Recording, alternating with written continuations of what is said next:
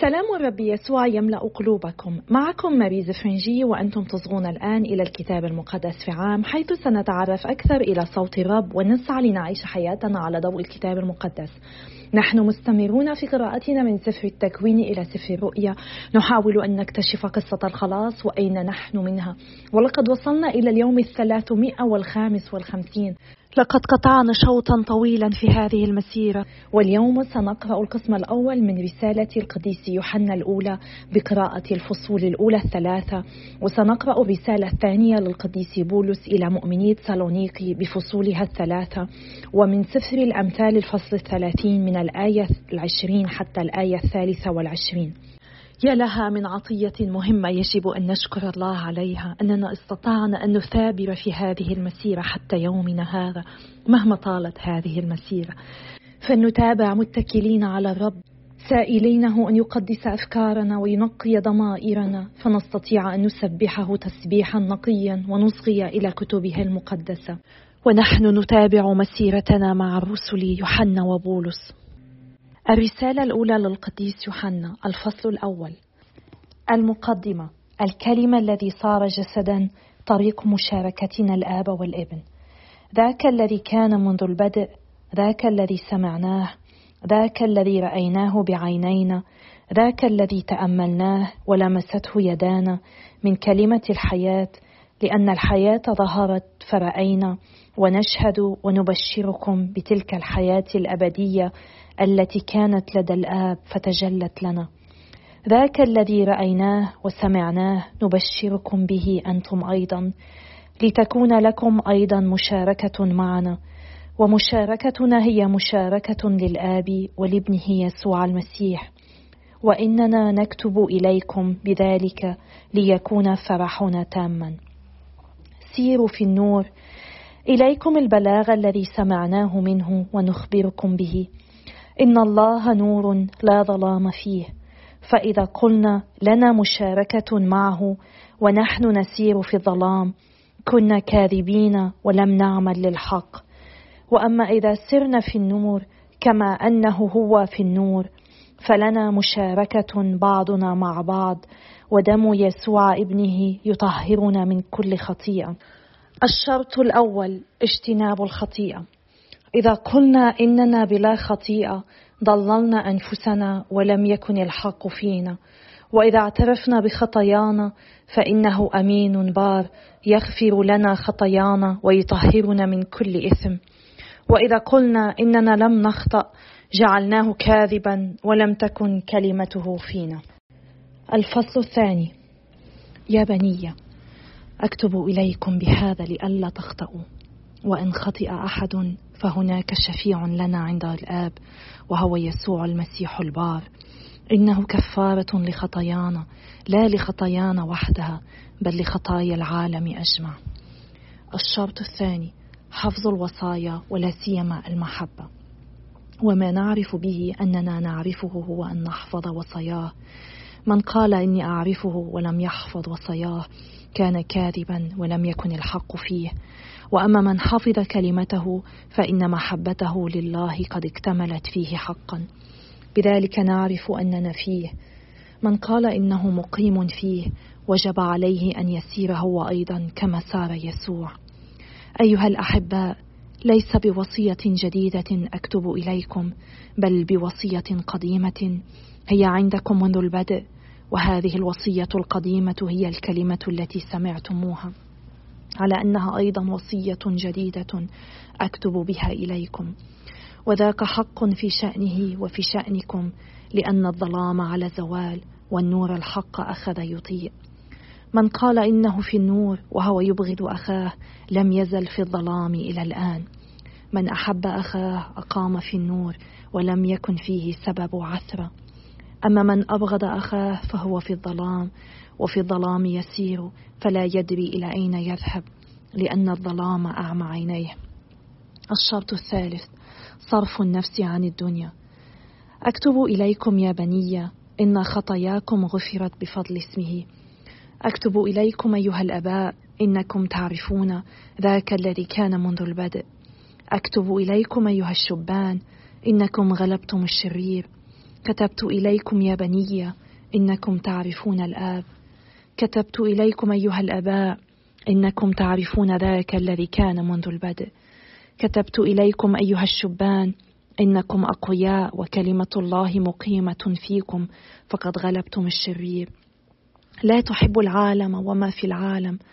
من أحب العالم لم تكن محبة الرب فيه. لأن كل ما في العالم من شهوة الجسد وشهوة العين وكبرياء الغنى ليس من الآب بل من العالم. العالم يزول هو وشهواته. أما من يعمل بمشيئة الله فإنه يبقى مدى الأبد. الشرط الرابع اجتناب المسحاء الدجالين. يا بنية إنها الساعة الأخيرة. سمعتم بأن مسيحا دجالا آت. وكثير من المسحاء الدجالين حاضرون الآن. من ذلك نعرف أن هذه الساعة هي الأخيرة. من عندنا خرجوا ولم يكونوا منا. فلو كانوا منا لأقاموا معنا. ولكن حدث ذلك لكي يتضح أنهم جميعا ليسوا منا. أما أنتم فقد قبلتم المسحة من القدوس وتعرفون جميعا. لم أكتب إليكم أنكم لا تعرفون الحق بل إنكم تعرفونه. وأنه ما من كذبة تأتي من الحق. من الكذاب إن لم يكن ذاك الذي ينكر أن يسوع هو المسيح. هذا هو المسيح الدجال ذاك الذي ينكر الآب والابن. كل من أنكر الابن لم يكن الآب معه. من شهد للابن كان الآب معه. أما أنتم فليثبت فيكم ما سمعتموه منذ البدء. فإن ثبت فيكم ما سمعتموه منذ البدء ثبتتم أنتم أيضا في الإبن وفي الآب. ذلك هو الوعد الذي وعدنا إياه هو بنفسه إنها الحياة الأبدية. هذا ما أردت أن أكتب به إليكم في شأن أولئك الذين يبتغون إضلالكم. أما أنتم فإن المسحة التي قبلتموها منه مقيمة فيكم. فليس بكم حاجة إلى من يعلمكم. ولما كانت مسحته تتناول في تعليمها كل شيء وهي حق لا باطل كما علمتكم فاثبتوا أنتم فيه. أجل أثبت فيه الآن يا بني فإذا ظهر كنا مطمئنين ولن نخزى في بعدنا عنه عند مجيئه. فإذا كنتم تعلمون أنه بار فاعرفوا أن كل من يعمل البر كان له مولودا. الفصل الثالث. كونوا في حياتكم أبناء الله. انظروا أي محبة خصنا بها الآب لندعى أبناء الله وإننا نحن كذلك. إذا كان العالم لا يعرفنا فلأنه لم يعرفه. أيها الأحباء نحن منذ الآن أبناء الله ولم يظهر حتى الآن ما سنصير إليه. نحن نعلم أننا نصبح عند ظهوره أشباهه. لأننا سنراه كما هو. الشرط الأول اجتناب الخطيئة. كل من كان له هذا الرجاء فيه طهر نفسه كما أنه هو طاهر.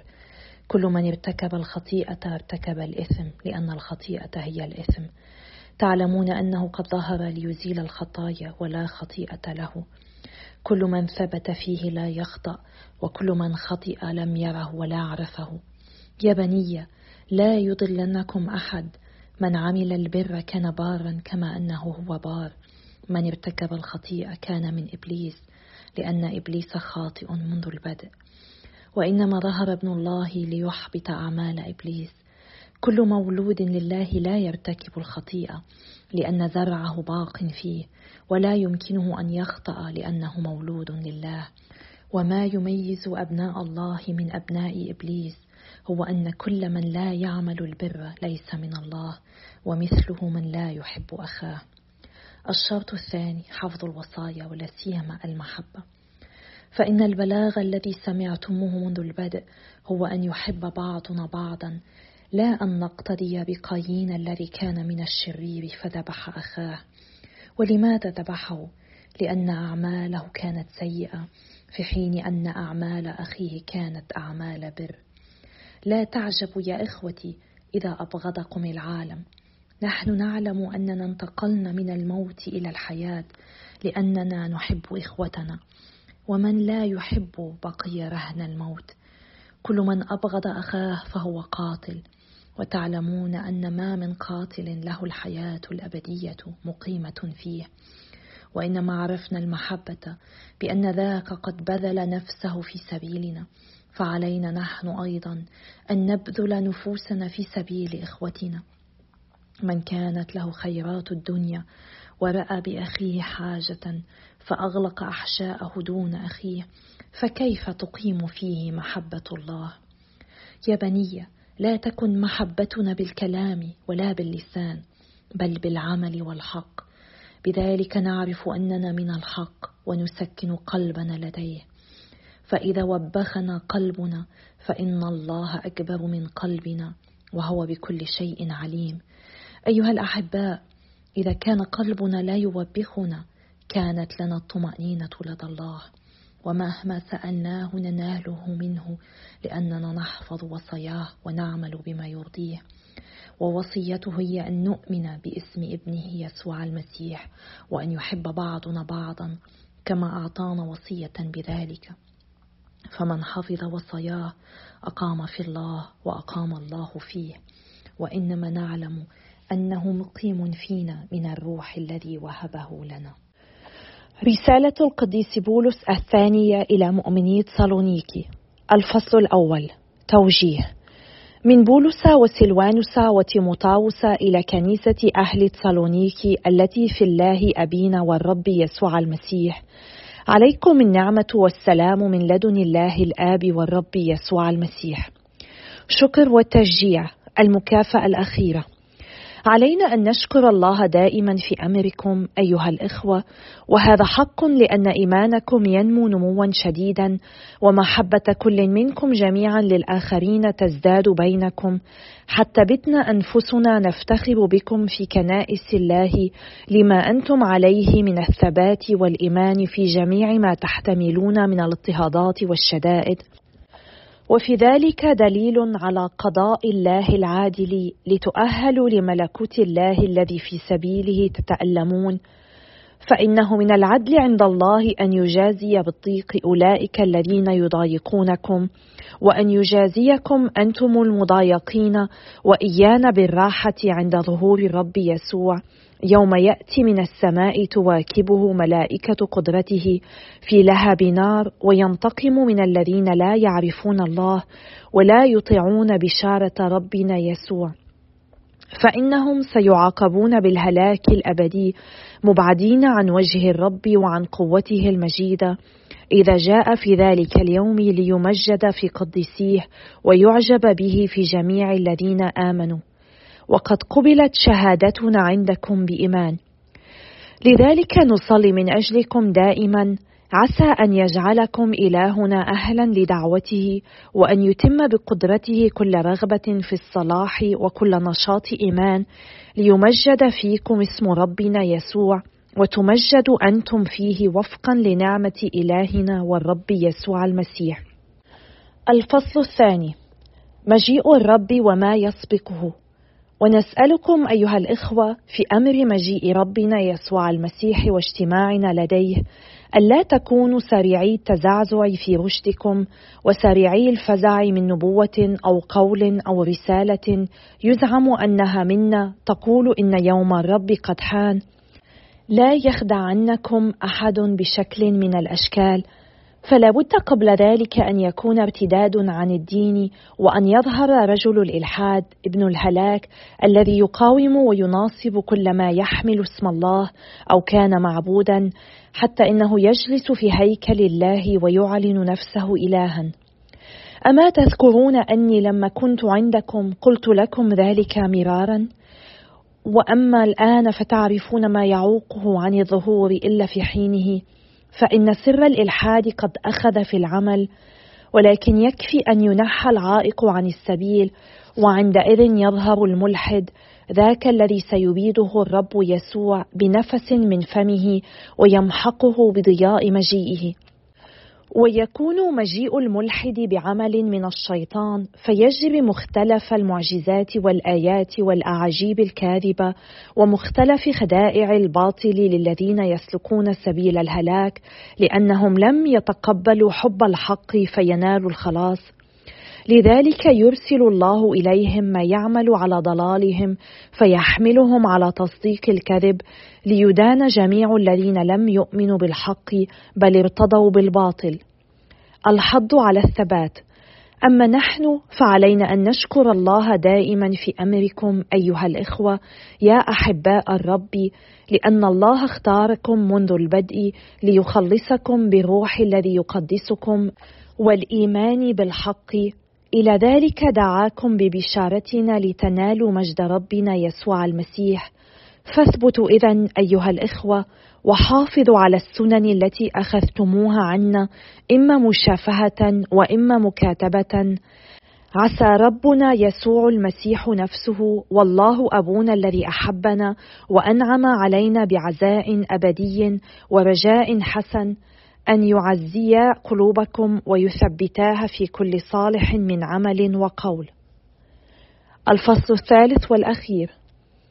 وبعد أيها الإخوة فصلوا من أجلنا لتتابع كلمة الرب جريها ويكون لها من الإكرام ما كان لها عندكم وننجو من قوم السوء الأشرار فالإيمان ليس من نصيب جميع الناس ولكن الرب أمين فيثبتكم ويحفظكم من الشرير. وإننا لواثقون في الرب بشأنكم أن ما أوصيناكم به تعملونه وستتابعون عمله. هدى الرب قلوبكم إلى محبة الله وثبات المسيح. التحذير من البطالة والخلل. ونوصيكم أيها الإخوة باسم الرب يسوع المسيح أن تبتعدوا عن كل أخ يسير سيرة باطلة خلافا لما أخذتم عنا من سنة. فإنكم تعلمون كيف يجب أن تقتدوا بنا. فنحن لم نسر بينكم سيرة باطلة ولا أكلنا الخبز من أحد مجانا. بل عملنا ليل نهار بجد وكد لئلا نثقل على أحد منكم. لا لأنه لم يكن لنا حق في ذلك بل لأننا أردنا أن نجعل من أنفسنا قدوة تقتضون بها. فلما كنا عندكم كنا نوصيكم هذه الوصية إذا كان أحد لا يريد أن يعمل فلا يأكل. وقد بلغنا أن بينكم قوما يسيرون سيرة باطلة ولا شغل لهم سوى أنهم بكل شيء متشاغلون. فهؤلاء نوصيهم ونناشدهم الرب يسوع المسيح أن يعملوا بهدوء ويأكلوا من خبزهم. أما أنتم أيها الإخوة فلا تفتر همتكم في عمل الخير وإذا كان أحد لا يطيع كلامنا في هذه الرسالة فنبهوا إليه ولا تخالطوه ليخجل ولا تعدوه عدوا بل انصحوه نصحكم لأخ. ليعطيكم السلام رب السلام نفسه في كل حين وفي كل حال ليكن الرب معكم أجمعين. هذا السلام بخط يدي أنا بولس تلك علامتي في جميع رسائلي وهذه هي كتابتي. عليكم جميعا نعمه ربنا يسوع المسيح. سفر الأمثال الفصل الثلاثون من الآية العشرين حتى الآية الثالثة والعشرين. كذلك طريق المرأة الزانية تأكل وتمسح فمها وتقول ما ارتكبت إثما. تحت ثلاثة ترتج الأرض وتحت أربعة لا تستطيع الاحتمال. تحت عبد إذا ملك وأحمق إذا شبع من الطعام. وتحت ممقوتة إذا صارت لرجل وأمة إذا ورثت مولاتها. أيها الآب السماوي إننا نسبحك ونمجدك ونشكرك على هذه الفرصة أن نكون معك اليوم. نشكرك يا رب لأنك تذكرنا في رسالة القديس يوحنا الأولى أنك جعلتنا أولادك. ونحن لا نعلم ماذا سنكون فيما بعد.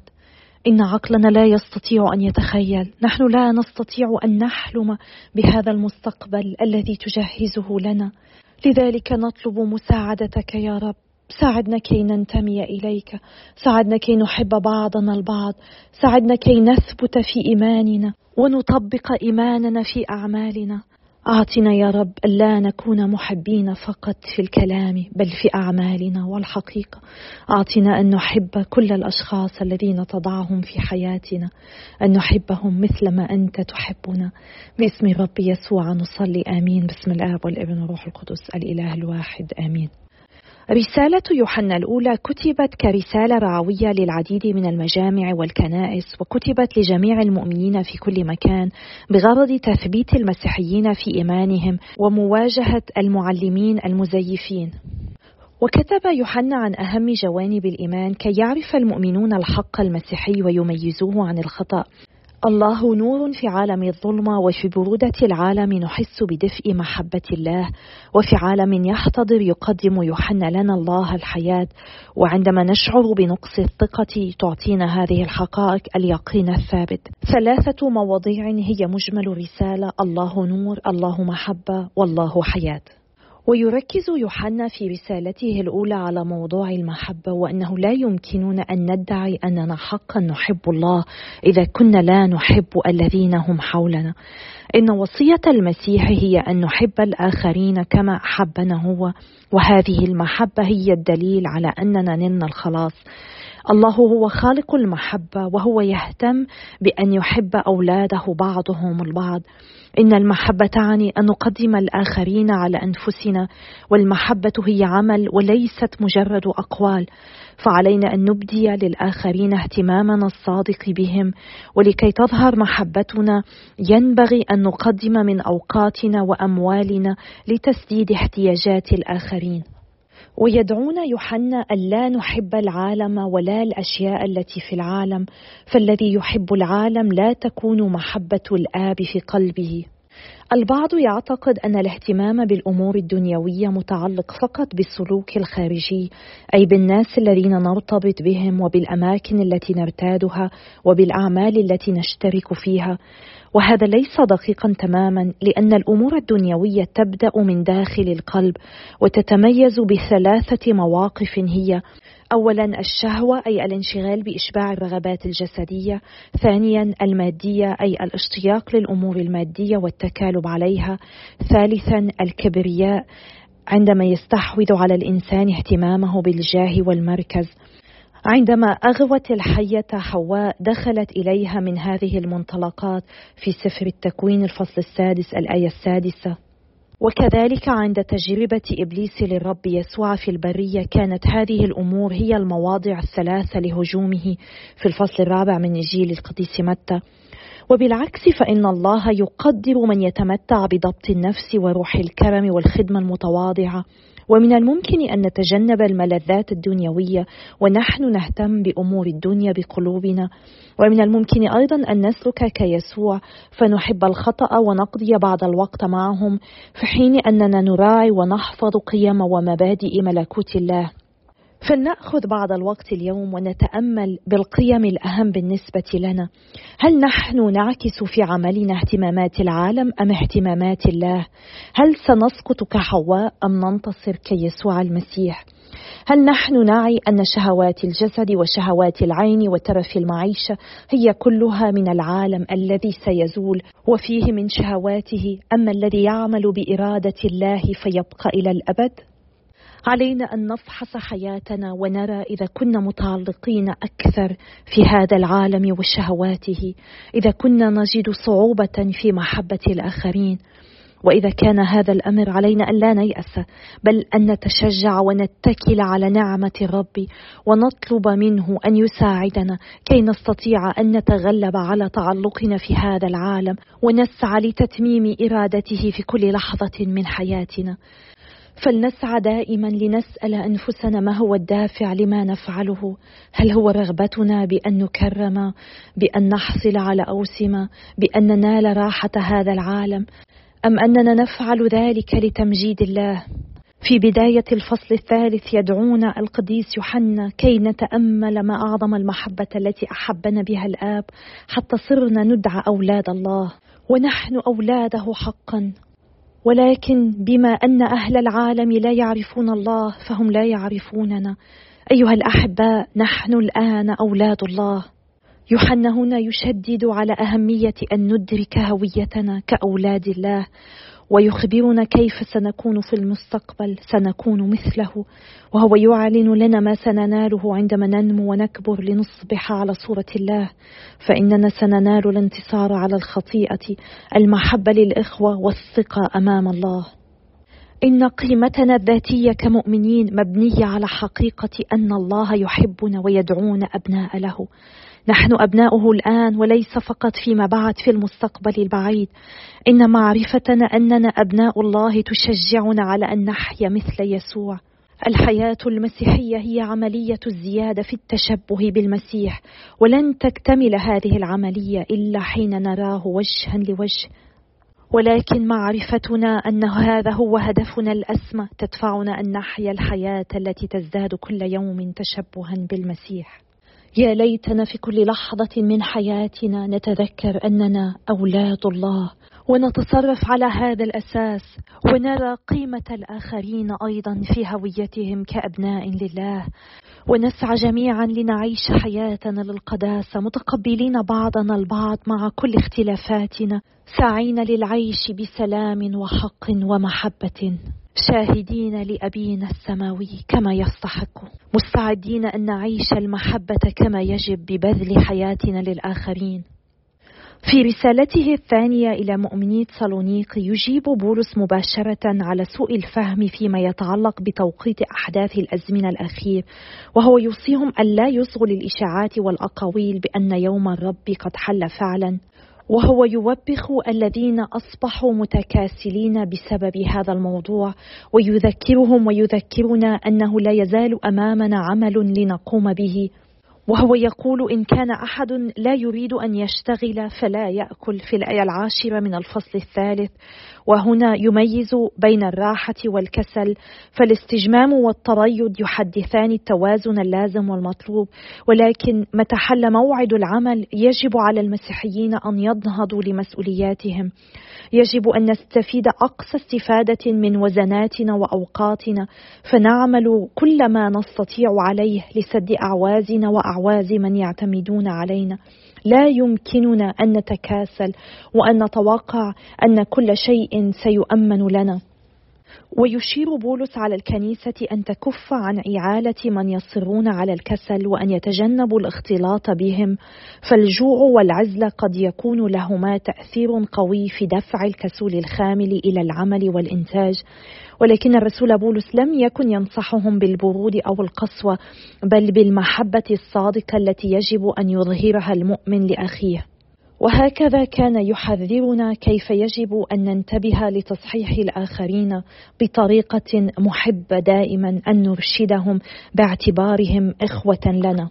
عندما يخطئ أخ لنا علينا الا ننظر إليه كعدو بل أن نرشده باعتباره أخا.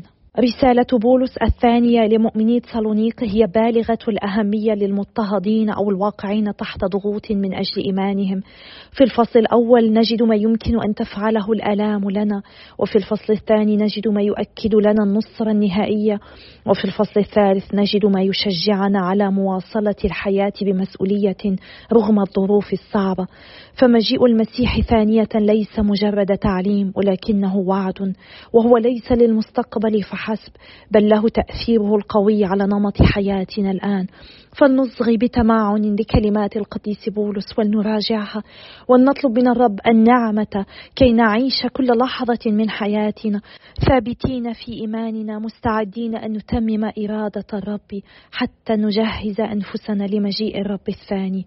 فلنستمر بالصلاة من أجل بعضنا البعض وأنا أتشكركم على صلواتكم وتشجيعاتكم وكونوا على ثقة أني أحملكم في صلواتي كل يوم وإلى اللقاء غدا يوم آخر بإذن الله.